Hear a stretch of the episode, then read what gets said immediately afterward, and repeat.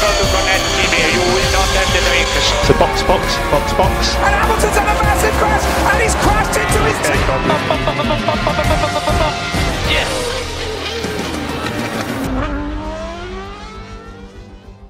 Herkese merhaba. Podstop Podcast'in yeni bölümünde 5 Kırmızı 1 Yeşil'de Belçika Grand Prix'sini konuşacağız. Her zaman olduğu gibi Halil, Deniz ve ben Burak birlikteyiz. Deniz, Halil hoş geldiniz beyler. Selamlar. Selam. Selam.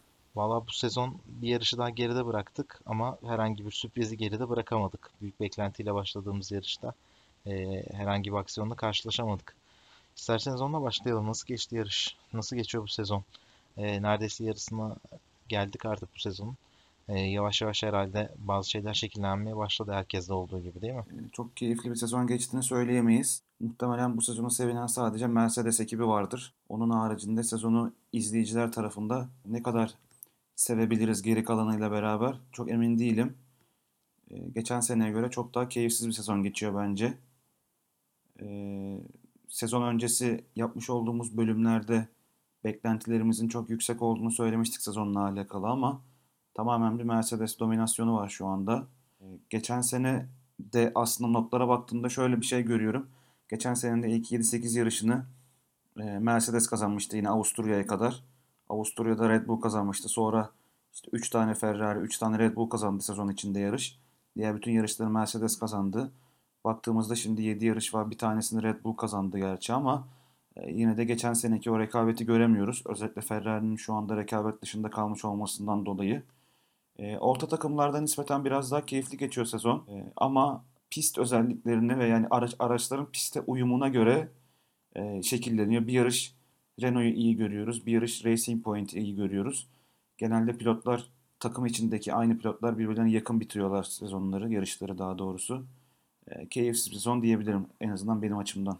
Ee, benim de gözüme çarpan şu oldu. Hatta bugün Burak seninle de konuşmuştuk. Ee, startlar çok e, temiz oluyor. Çok temiz kalkış ve ilk virajlarda genelde ufak temaslar, bazı kazalar görebiliyoruz ama bu sene bunların hiçbirine rastlamadık. Belki sezonun kısa olmasından da kaynaklı bir şekilde kimse risk almak istemiyor. Çok daha temiz bir sürüş e, gerçekleştiriyorlar. E, ön sıraları artık tahmin etmeye bile gerek yok. Her hafta aynı şey dönmeye başladı. Orta sıralar biraz daha dalgalı. Onları takip ediyoruz. Bende de izlenimler bu şekilde.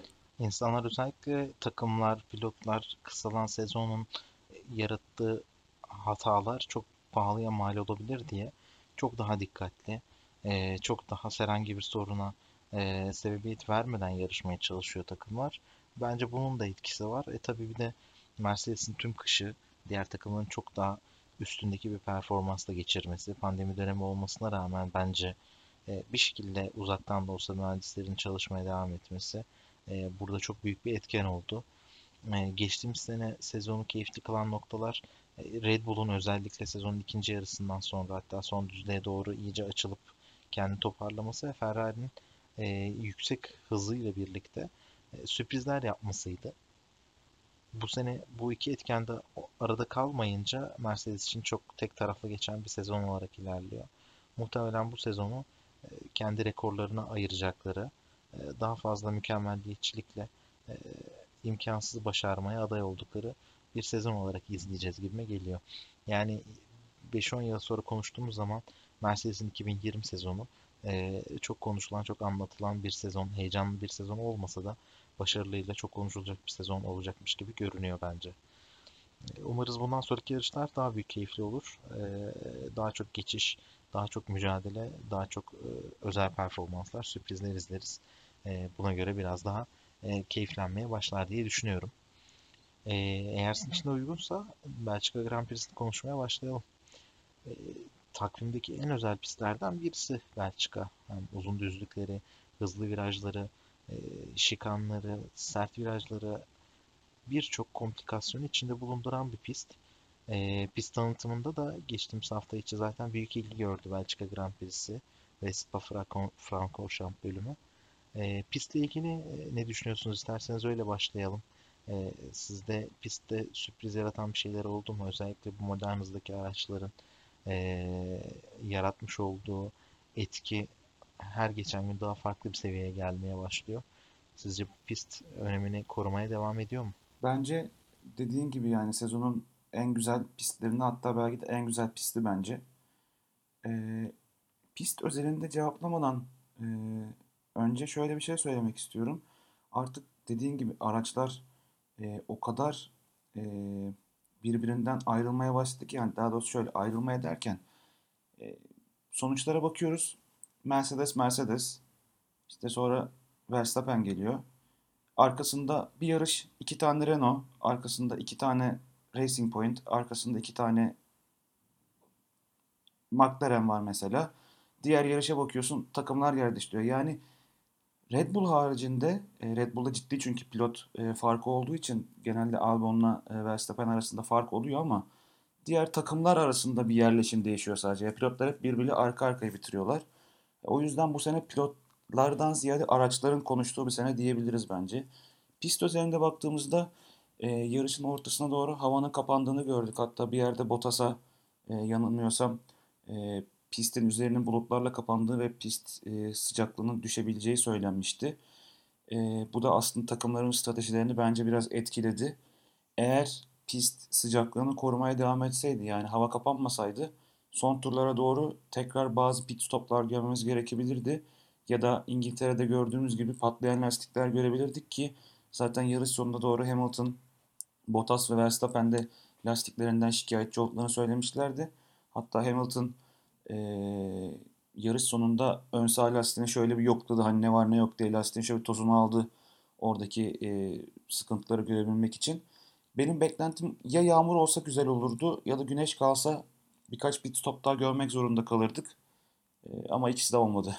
Zaten yarışta da e, çok farklı senaryolarla karşılaşabileceğimiz bir pozisyon olmadı.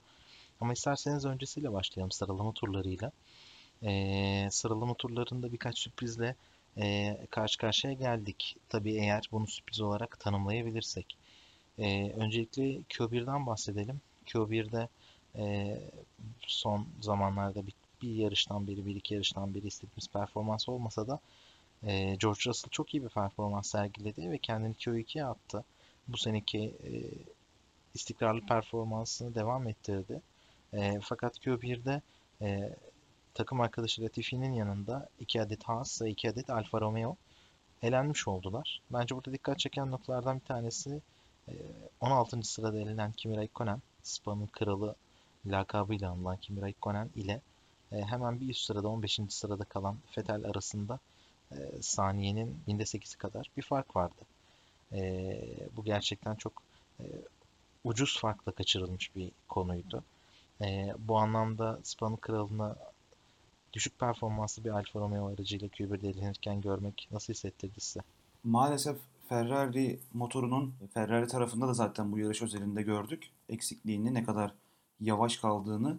Tabii ya Ferrari motoru iyi olsaydı Alfa Romeo ya da atıyorum Kimi Räikkönen burada elenmekten kurtarabilir miydi kendini bilemiyorum ama yani üzücü bu, bu halde görmek Räikkönen'i. Gerçi yarışta kendini bir nebze olsun bence affettirdi ama e, bir Q2 görse görsek hepimiz ondan daha iyi olur diye düşünüyorum ben.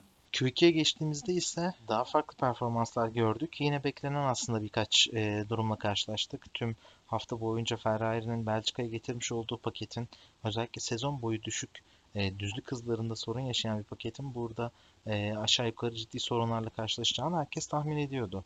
Fakat bu noktaya baktığımız zaman e, ciddi anlamda zorlanan bir Ferrari gördük. E, ikinci sıralama seansında Alfa Tauri'den Kiat ve Gasly, Ferrari'ler Leclerc, Vettel ve Williams'tan Russell elendi. Ama burada en dikkat çeken konu e, Ferrari'nin bütün ayarları değiştirmesine, elinden geleni maksimum yapmasına rağmen bir türlü e, istenilen performansa ulaşamadığı ve e, özellikle birinci ve üçüncü sektörde düzlüklerin yoğun olduğu sektörlerde rakiplerinden çok daha yavaş olduğunu gördük. Ve benim bir istatistik gözüme çarptı. Geçtiğimiz yılki sıralama turları performansıyla karşılaşıldığı zaman neredeyse bütün takımlar geçtiğimiz yıldan daha hızlı olurken Ferrari 1.5-1.6 saniye ortalamada hız kaybı yaşamış.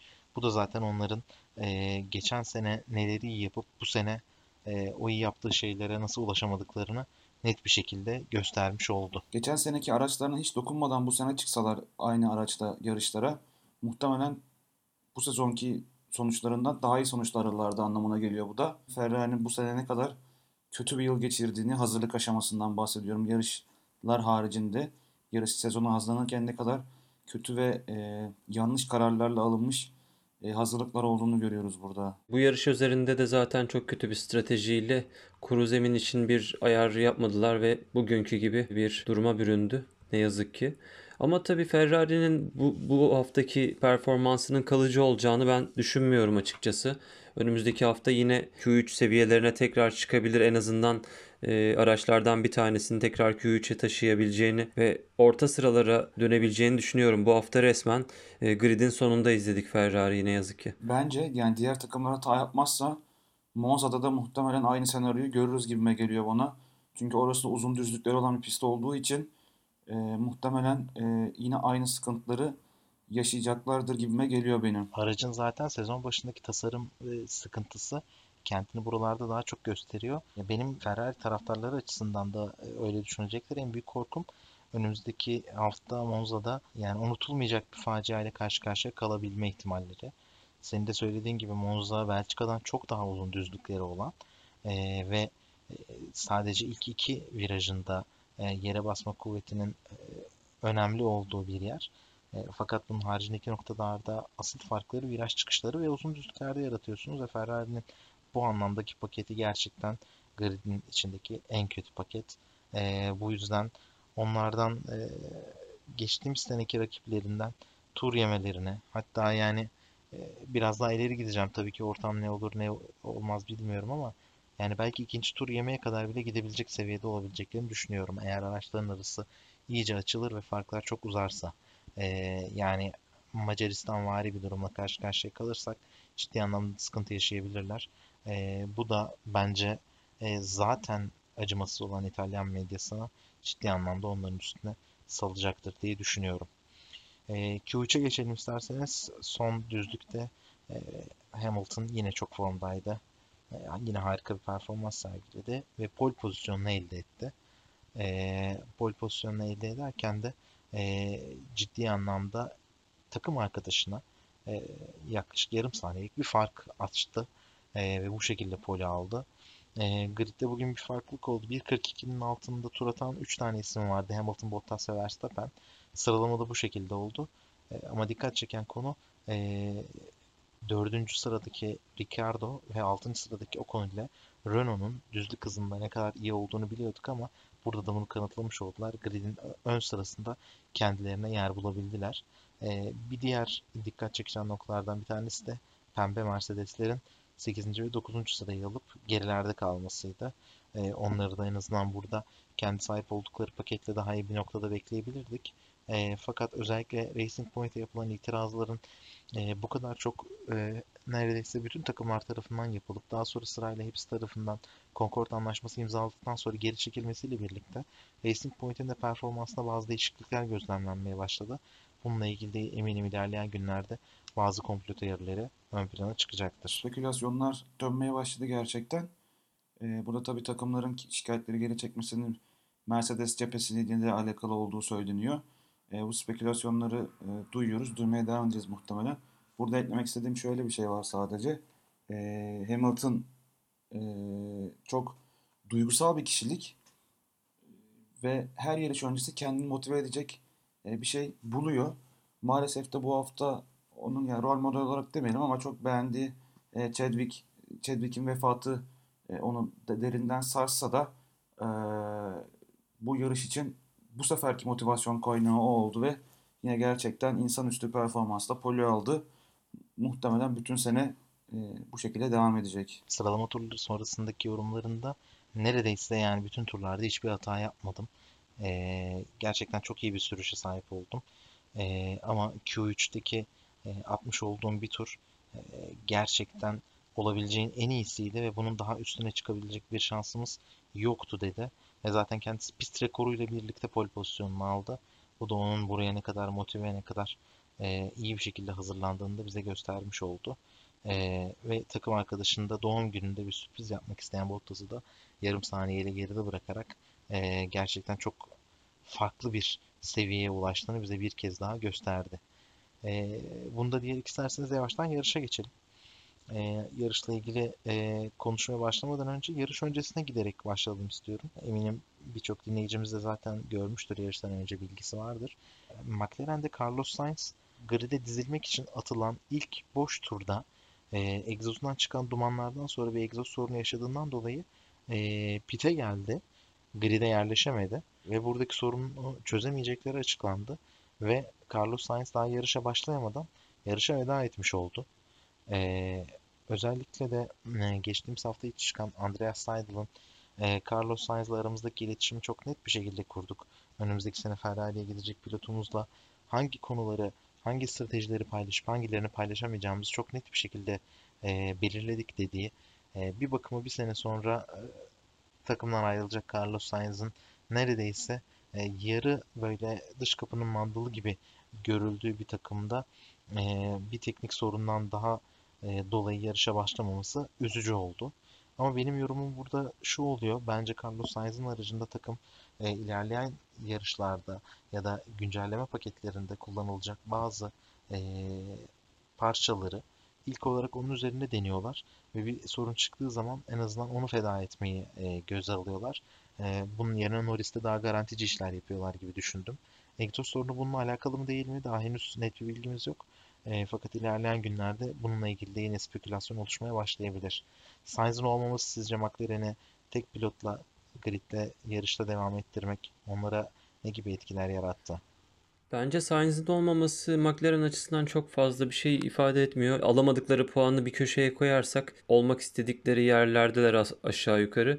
Sadece bu haftaki yarışta Renault'un hatayla ve Racing Point'in gerilemesiyle beraber bir denge değişimi oldu ama McLaren aşağı yukarı olması gereken yerlerde bitirdi diye düşünüyorum. Markalar sıralamasında şu an gerçi 3. sırada gerçekten e, McLaren bir sürprizle 3. sıradalar şu anda.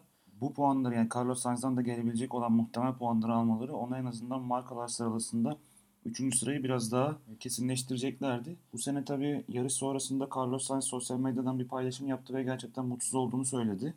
Bu sene yaşadığı ikinci motor problemi ve e, güzel puanlar toplayabilmekten e, toplayabilmeyi kaçırdık e, dedi kendisi. Ve mutlu olmaktan da çok uzağım şu anda. Önüme bakacağım mutlu olmaktan da çok uzağım diye bir paylaşım yaptı. E, bunun haricinde e, Burak sana katılıyorum.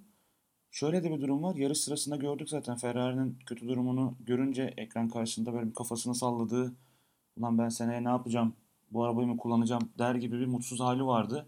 Hani bu sene takımın dışında kalmış durumda. Ee, söylediğin gibi dış kapının mandalı gibi bir pozisyonda. Belki de onun üzerinde deniyorlar birçok şeyi. Seneye gideceği takım şu anda araç çok kötü. Yönetim tarafında sıkıntı var. Ne yapacaklar belli değil.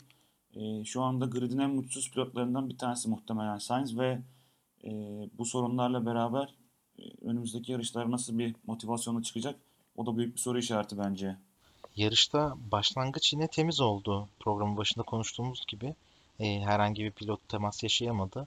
E, birbirlerine dokunan ya da yarış dışı kalan kimseyle karşılaşmadık. E, ve herkes yerinden doğru bir şekilde kalkarak La doğru gitti. E, viraj sonunda da yavaş yavaş e, çıkarken sıralamalar belli oldu. Burada en çok dikkat eden dikkat çeken nokta Leclerc'in startı oldu. Çok ciddi anlamda kendini öne atabildi. Leclerc 13. sıradan başlamıştı. Starttan sonra 9. sıraya kadar yükseldi. 4 pilot birden geçmek e, özellikle bu Ferrari'ye e, çok iyi gelmişti ve çok tifosinin de e, moralini e, yerine getirmişti. E, fakat daha sonrasında bu kazandığı yerleri teker teker kaybetmeye başladı. E, başlangıçta Gasly bir diğer iyi başlayan ilk start alan pilotlardan birisiydi. E, ilk turun sonuna doğru zaten e, o da Perez'i geçti ve kendi bu puan barajı noktasına e, atmaya başladı. E, Renault'lar konumlarını koruyabildiler. Hatta Ricardo bir ara Verstappen'e ciddi anlamda baskı yaptı. Fakat e, La Source'dan sonra e, pist dışına çıktı. Tekrardan geldiğinde 4. sıradaki yerini e, netleştirmiş oldu. Ve Renault'lar 4. ve 5. sırada yarışa devam ettiler. Siz startı nasıl gördünüz, nasıl yorumluyorsunuz? Ricardo'nun ilk turdaki performansı gerçekten e, dikkat çekiciydi. Bu biraz da Verstappen'e yaptığı ufak tefek geçiş denemeleriyle, ataklarla beraber aslında Mercedes tarafının da elini güçlendirdi. Hamilton her zaman olduğu gibi ön tarafta e, çok kısa bir zaman içerisinde sıyrılıp uzaklaşmayı başardı. Gasly ve Perez'in e, mücadelesi de çok güzeldi. Örücü tırmanırken Gasly'den çok güzel bir geçiş izledik. Hatta o kadar e, yakın bir geçişti ki belki bir temas bile olabilir diye heyecan verdi. Perez'in de biraz agresif bir savunmasıyla tabii bu durum gerçekleşti. İlk iki tur bu şekildeydi aşağı yukarı. Daha sonrasında yarışta DRS açılmaya başladı. Zaten tur sayısı olarak kısa süren bir yarıştı. E, hemen ikinci turun sonunda DRS'ye izin verilmeye başlandı. E, DRS ile birlikte e, aslında DRS kullanılmadan da olsa e, Leclerc e, hızlıca rakipleri tarafından geçirmeye başlandı. Önce Perez daha sonra Norris e, sonrasında Kiat e, tamam zaten onları e, Leclerc'i uzun düzlüklerin olduğu bölümlerde e, geçmeye başladılar. Bu esnada Bottas'tan en hızlı tur zamanı geldi. E, o Hamilton'la arasındaki farkı 1-1,5 saniye arasında temposunu tutturdu ve bu şekilde takip etmeye başladı. E, ve bu esnada da zaten Hamilton, Bottas ve Verstappen diğerleriyle iyice farkı açmışlardı. Hamilton, Ricardo arası 10 saniyeye hatta 10 saniyenin üstüne kadar çıkmaya başlamıştı. E, ve bu noktada e, yarış artık aşağı yukarı nasıl bir hikayeyle karşı karşıya kalacağımızı bize zaten göstermeye başlamıştı. E, fakat daha sonrasında e, 9. turda birden Stroll ile benzer tur zamanları atıp onu yakından takip etmeye devarken, devam ederken bir geçiş olacak diye düşünürken birden büyük bir kaza gördük. E, Giovinazzi e, aracının kontrolünü kaybetti, bariyerleri çarptı ve daha sonrasında Giovinazzi'nin aracından kopan bir lastik de e, George Russell'a çarparak George Russell da yarış dışı bıraktı. E, kameraları birden gördüğümüz zaman gerçekten Giovinazzi'nin aracında çok ciddi sorunlar olduğunu e, ve büyük bir kaza olduğunu net bir şekilde gördük. Sonrasında da hemen e, güvenlik aracı piste girdi. Burada sosyal medyada bir yanda acaba kırmızı bayraklar salınır mı diye bekledik aslında hepimiz. Çünkü ilk kameralar araçlara döndüğünde gerçekten iki araç da uzaktan çekiyordu kameralar ve e, ciddi bir şey olmasından korktuk. Çünkü geçen sene burada e, F2'de e, kaybedilen bir hayattan sonra e, bu pist genelde korkularak izleniyor yarış. Ve acaba bir korkulacak durum var mı diye bakılıyordu. E, neyse ki o kadar ciddi bir e, problem e, olduğunu görmedik ama pist gerçekten kullanılacak gibi değildi. Çok fazla parça vardı yolda ve hatta pilotlar geldiğinde kaza bölgesine orada pisti temizlemeye çalışan e, insanlar vardı ve ciddi bir tehlike oluştu. Belki de gerçekten e, session durabilirdi ama bir şekilde güvenlik aracıyla devam edildi. E, neyse ki korkulan olmadı ama. Güvenlik aracının dahil olmasıyla birlikte zaten her zaman alışık olduğumuz pit stopları görmeye başladık. E, bu esnada birçok takım pite geldi. Lastik değişimlerini yaptı. Burada dikkat çeken nokta Leclerc'in e, yaklaşık 10-11 saniyelik uzun bir pit stop e, yapmış olmasıydı. E, daha sonra detaylarını muhtemelen yarın daha net bir şekilde takımlardan ve pilotlardan öğreneceğiz. E, daha sonrasında dikkat çeken bir diğer nokta Mercedes çift pit stopla yoluna devam etti. E, bu sefer Bottas birbirine daha yakındı Hamilton'a pite gelindiğinde. E, biraz daha yavaşlayarak geldi. Bence orada birazcık vakit kaybı yaşadılar. Çünkü hemen arkasından Bottas'la birlikte Verstappen de gelmişti. Ve ikisi de pit çıkışında arka arkayaydılar. Bir ara Verstappen çok yanındaydı. Red Bull hızlı pit stopuyla orada bir avantaj yakalamaya çalıştı. Fakat gerçekleşmedi. Bottas yine kendini Verstappen'in önüne atabildi. Ee, burada dikkat çeken noktalardan bir tanesi Perez piste girmedi. Ee, yumuşak lastiklerle tur atmaya çalıştı. Muhtemelen yarış başında böyle bir strateji belirlemişlerdi. Uzun bir ilk stint atarak e, daha sonrasında e, daha orta lastiklerle e, daha kısa sürede daha performans zorlayıcı bir şeyler yapmayı düşündüler büyük ihtimal ama bu ona birazcık bence pahalıya patladı. E, bir diğerisinde Gazli pite gelmemişti bu durumda. E, güvenlik aracı üzerinden takipler devam ederken Gazli 4. sırada yarışa devam ediyordu. Hamilton, Bottas, Verstappen, Gazli, Perez şeklinde bir sıralama oldu. Fakat geri kalan pilotlar başarılı pit stoplarıyla birlikte tekrardan piste döndüler. E, ve yarıştaki kaza yapılan yer silindikten sonra, temizlendikten sonra yarış tekrardan kaldığı yerden devam etti. Bu yarışın devam ettiğine eminim zaten birçok dinle, izleyen de dinleyenimiz de zaten fark etmiştir. Ee, güvenlik aracının pistten çıkacağı belli olduktan sonra Hamilton yine çok ustaca bir şekilde e, grubu, konvoyu çok iyi yönetti ve kendi avantaj sağlayarak tekrardan yarışı başlattı. Leclerc'in pozisyonu çok e, kritik bir noktadaydı. Safety car girdiğinde çok hızlı bir şekilde pit stop'a çağırdılar. Hatta hemen arkasından Vettel geliyordu. Vettel'e de tam gir dedikleri anda dışarıda kal dışarıda kal diye seslendiler. Hatta o anda da e, uzun bir pit stop süreceğini söylemişlerdi Vettel'e. Aynı şekilde Leclerc de tam pit yoluna girdiğinde e, uzun bir e, pit stop olacağını kendisine de söylemişlerdi. Daha araç yuvaya girdiğinde bile lastikler yeni e, araca doğru geliyordu. Yaklaşık 10 saniyelik bir pit stop oldu ki bir tur sonra takım arkadaşı girip kısa bir pit stop yapıp Leclerc'in önünde çıktı. Leclerc de çok sinirlendi dediğin gibi hatta birkaç küfür savurdu kendisi de. E, bu konuda da ciddi bir şekilde Ferrari tarafından uyarı alabileceğini söylüyorlar. Keza kendisi de bu sözlerinden sonra e, kötü bir dil kullandığını kabul edip e, özür dilemişti gerçi yarış sırasında ama e, onun için e, zaten zor geçen bir gün. Bu uzun pit stop sonrasında daha da zor e, geçmeye devam etti muhtemelen. E, burada Gasly'nin ve Perez'in pite girmemesinin e, ne kadar doğru olup olmadığını bilemiyoruz. Burada bir zar atıldı bence yağmur yağma ihtimaline karşı. Çünkü yağmur yağdığında hızlı bir şekilde pite girip e, yağmur lastiklerini taktıklarında yine ön tarafta olacaklardı. Gerçi şöyle bir durum söz konusu. E, pite girip sıranın en arkasına geçip e, her tur bir kişiyi hatta iki kişiyi kolayca Ferrari motoru kullanan e, rakiplerini kolayca geçebileceklerini de e, düşünürlerse e, bu zarın atılması mantıklı oldu ama yağmur yağmayınca tabii onlar için e, kötü sonuçlandı diyebiliriz. Burada gözden kaçırmamamız gereken bir noktada e, yine Mercedes'in çifte pit stopu olsa gerek. Arka arkaya Mercedes araçlarını alırken Bottas'ın neredeyse Verstappen'in arkasında çıkma ihtimali olduğunu gördük. Hatta yani çok küçük saniyelerle bunu kaçırdı Red Bull tarafı. E, hızlı bir pit stop yapmasına rağmen. Böyle riskli bir kararı nasıl aldıklarını sorguladık e, izlerken. Ama Mercedes tarafında zaten tıkırında ilerledi daha sonrasında işler. Yarış tekrardan başladığında Hamilton aslında ilk başta telsizden bir güç kaybı yaşadığını söyledi. Sonra Bono elektrik sisteminde bir sıkıntı vardı. Merak etme yolumuza devam edebiliriz şeklinde bilgi verince o da bir rahatlamış oldu ama e, bu aslında yağmurun bir türlü gelemeyeceğini gören biz izleyiciler için acaba bir sürpriz olabilir mi diye bizi heyecanlandırdı. Fakat sonrasında da her şey kaldığı yerden devam etti. Bu esnada e, Kimi Raikkonen eski takım arkadaşı Sebastian Vettel'i geçti. E, ve zaten yarışı da e, Ferrari motor kullanan takımlar ve pilotlar arasında en üst sırada tamamlayan e, pilot oldu. Spa'nın kralı. Daha sonrasında Ricardo Perez'i sıkıştırdı ve lastik avantajıyla birlikte hemen 5. sıraya yükseldi.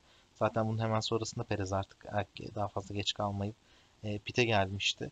E, Ricardo yine yakından takibe devam ederek Gasly'yi de geride bıraktı. Sonrasında Gasly lastik performanslarının düştüğünü görünce Albon'a geçildikten sonra e, o da pite geldi. E, bu esnada Valtteri Bottas yine Hamilton'ın e, arkasında 3-4 saniye gerisinde, 3-3,5 saniye gerisinde takip ederken telsizden bulutların pisti kapladığı ve pist sıcaklığının düşeceği bilgisi verildi. Bu da lastik yönetimi açısından çok önemli olacaktı e, takımlar için. E, bu, bunun paralelinde zaten Hamilton'a da telsizden hani olası bir çift pit stop ihtimaline karşı birazcık arka tarafa farkı açması gerektiği söylendi. Hamilton zaten bununla birlikte e, farkı 5 saniyelerin 6 saniyelerin üstüne çıkartmaya başladı. Bu esnada sürpriz bir şekilde Leclerc bir kez daha pite geldi ve e, yaklaşık 5 saniyelik bir yine uzun bir pit stop yaptı. E, bu plan bu stratejiyle ilgili neler düşünüyorsunuz? Sizce e, neden tekrardan geldi? Böyle bir durum nasıl yorumladınız? Ee, yarışı izlediğimiz sırada pek bir şey anlamadık ama daha sonra yarış sonrasında okuduğumuz ve e, bununla ilgili e, tweetlerden gördüğümüz kadarıyla aslında sol arka lastiğe hava basıncı eklendiğini okuduk. Bundan dolayı da geç bir pit stop yapmak durumunda kaldı. E, zaten kritik bir sıralamada olan Leclerc yanlış hatırlamıyorsam bununla beraber son sıraya geriledi. Onun açısından da her şey daha kötü gitmeye başladı yarışın devam eden kısmında Renault'lar performanslarını artırmaya başladılar. O konuda Gasly'yi geçti. Sonra Gasly'nin pite geldiği zaten e, durumla karşı karşıya kaldık. E, fakat bu esnada Hamilton'dan en hızlı tur zamanı geldi. O temposunu iyice arttırmaya başladı. E, Leclerc pitten çıktıktan sonra hemen ilk turunda en hızlı tur zamanı geldi. E, fakat daha sonrasında Bottas onu geçti. Bottas'a da ikinci pit stop ihtimalinden dolayı arayı açması gerektiği bilgisi verildi. Çünkü Verstappen de ona çok yakındı. E, 4-5 saniye ile takip ediyordu. O da 5 saniyeye kadar çıkarttı e, arasındaki farkı. E, ve bu esnada Ferrari'lerin geride kaldı. Hatta Leclerc'in sonuncu oldu. Vettel'in de e, önce 9. sırada oldu. Fakat arka arkaya e, Gasly'nin ve diğerlerinin onu geçtiği ve alt sıraları düştüğü bir yarışı izlemeye başladık. Leclerc çok uzun süre Haas'tan Magnussen'in arkasında kaldı. E, gerçekten e, zor bir şekilde onu geçti ve 15. sıraya yükseldi bu dönemde. E, bu anlamda arka tarafta Ferrari motorlu araçların birbirine karşı net bir üstünlüğü olmayan bir yarış izledik. Alfa Romeo, Haas ve Ferrari kendi aralarında birbirini geçmekte zorlandılar ve hepsi de birbirinden farklı e, düşük performansla devam ettiler. E, yarış bu şekilde devam ederken e, Bottas'a sağ ön lastikleri köprülerden koruması gerektiği yönde bir anons geçildi. Daha sonrasında da ekrana e, yansıyan notlarda gördüğümüz kadarıyla Verstappen'in pardon Bottas ve Hamilton'ın lastiklerinin e, bitmeye yaklaştığını gördük. Hatta son 2-3 tur acaba farklı bir duruma karşılaşır mıyız? Silverstone'daki gibi bir lastik patlamasıyla karşı karşıya kalır mıyız diye heyecanla bekledik. Çünkü yağmur da gelmemişti artık. Fakat böyle bir duruma e, hiçbir şekilde gerek kalmadan e, yarış tamamlanmış oldu. Yarıştan bittiği turda Ocon Albon'u geçti ve 5. sıraya yükseldi. Renault'lar arka arkaya 4. ve 5. sırada bitirmiş oldular. Fakat bunların hepsine rağmen Lewis Hamilton yine Grand Slam yaparak, yapmaya çalışarak daha doğrusu e, yarışı bitirdi. Pole pozisyonda başladı yarışı. E, baştan sona önde götürdü. Fakat en hızlı tur zamanını son saniyede, son turunda Daniel Ricciardo'ya kaybetti. Yarışın belki de en keyifli anları zaten e, Albon, Ocon ve Norris'in arka arkaya dizilip e, son birkaç tur birbirlerine yapmaya çalıştıkları ataklardı. E, Norris oradan acaba bir ekmek çıkar mı bana diye arkalarından ilerliyordu. O konuda aslında Albon'un ne kadar çok geçmek istediğini e, birkaç tur göstermişti ki son tur e, geçebileceği son düzlükte geçti. Belki hatta e, bir strateji uygulayıp e, bir sonraki tur yine düzlük avantajını ve e, hava koridoru avantajını e, kaybetmek istemedi Albon'a karşı. O yüzden son atağını yapabileceği yerde e, geçip ve dediğim gibi 5. sırada bitirdi. Bence yarışın en keyifli anları e, bu anlardı. E, tabii burada Ricardo'nun hakkını vermek lazım. Son tur gerçekten yarış bittikten sonra zaten e, yarış mühendisiyle de hani bu tur gerçekten e, elimden gelen hepsini verdim ve güzel de bir tur attım diye e, söyledi. Bu yarışta da gerçekten başarılı bir iş çıkardığını düşünüyorum ben. Burayı Albon tarafından incelemek gerekirse de Q2'den itibaren Albon'a e, yumuşak lastikle farklı bir strateji uygulamaya çalıştılar. Aslında burada iki araca farklı strateji uygulamaktansa aslında Albon'a pit duvarının güveninin biraz kırıldığını düşünüyorum ben. Çünkü e, bu haftaki sonuçtan da gördüğümüz kadarıyla Albon her zamanki gibi 5. E, 6. sıralardan öteye geçmeyi maalesef başaramadı. İsterseniz yarışın sonuyla birlikte e, yükselenler ve düşenleri konuşalım. Bu yarış zaten aksiyonu bol olan bir yarış olmadı. Daha sakin ilerleyen bir Belçika yarışı oldu. E, ama ben bu sakin ilerleyen yarışta en dikkat çeken isimlerden birisiyle yükselenlere başlayacağım. Ve Renault'ları e, konuşacağım.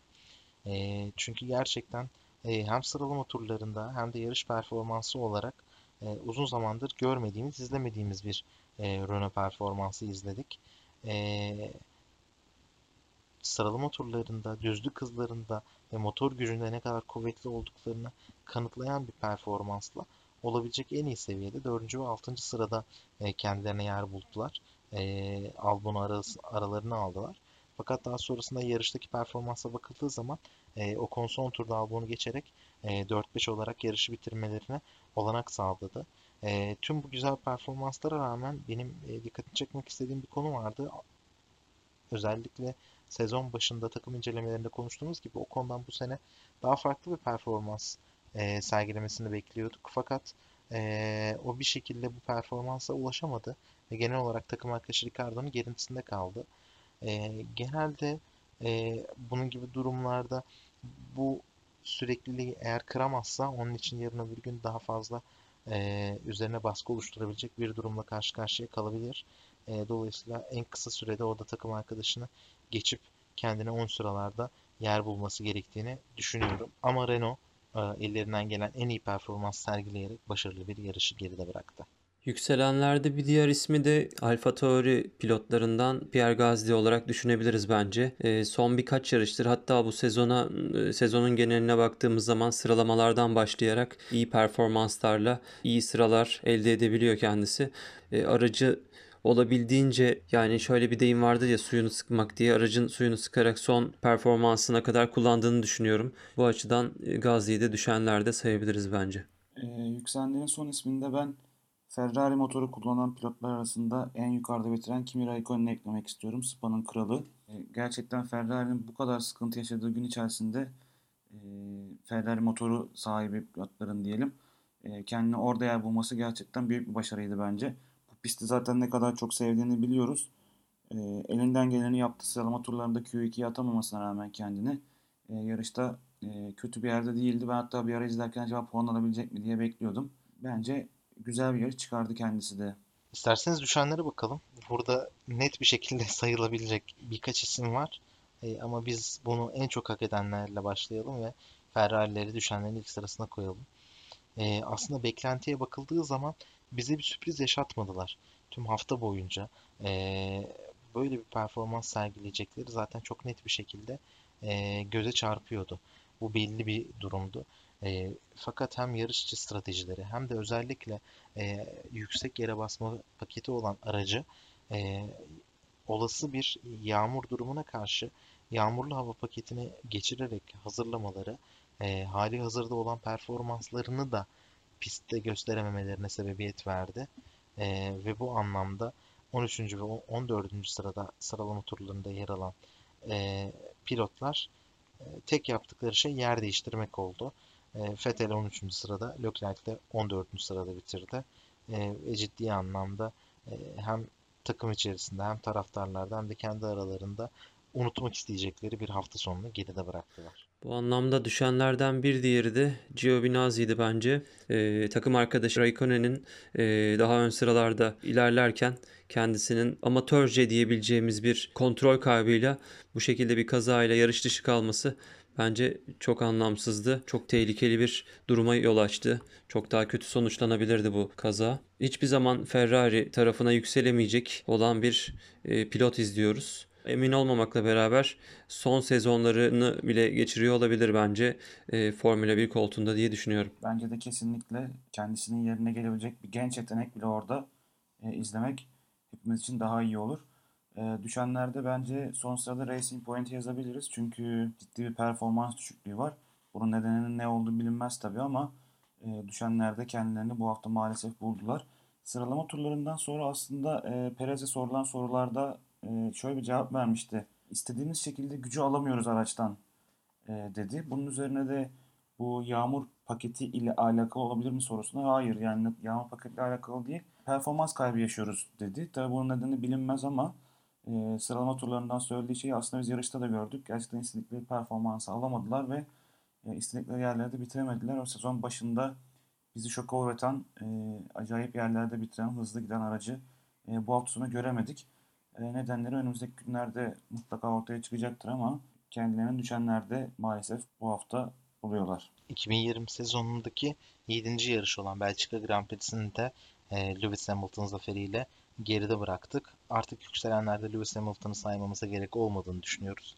Çünkü her yarış üstüne koyarak daha mükemmel bir performans sergileyerek sezonu domine etmeye devam ediyor. Ee, önümüzdeki hafta İtalya'da, İtalya Grand Prix'si olacak. Monza'da e, yine uzun düzlükleri bol olan Belçika'ya çok e, en azından teknik anlamda benzeyen bir pistte yarışılacak. E, bu sebeple e, önümüzdeki hafta iyi, iyi performans sergilemesi muhtemelen olan takımları zaten e, bu hafta yarışta ve sıralama turlarında e, gözlemlemiş olduk. Bakalım bu takımlar paketlerini geliştirebilecekler mi? Hata yapan takımlar kendilerini güncelleyebilecekler mi? Bunları birlikte göreceğiz. Deniz Halil çok teşekkür ederiz. Biz teşekkür ederiz. Biz teşekkür ederiz abi.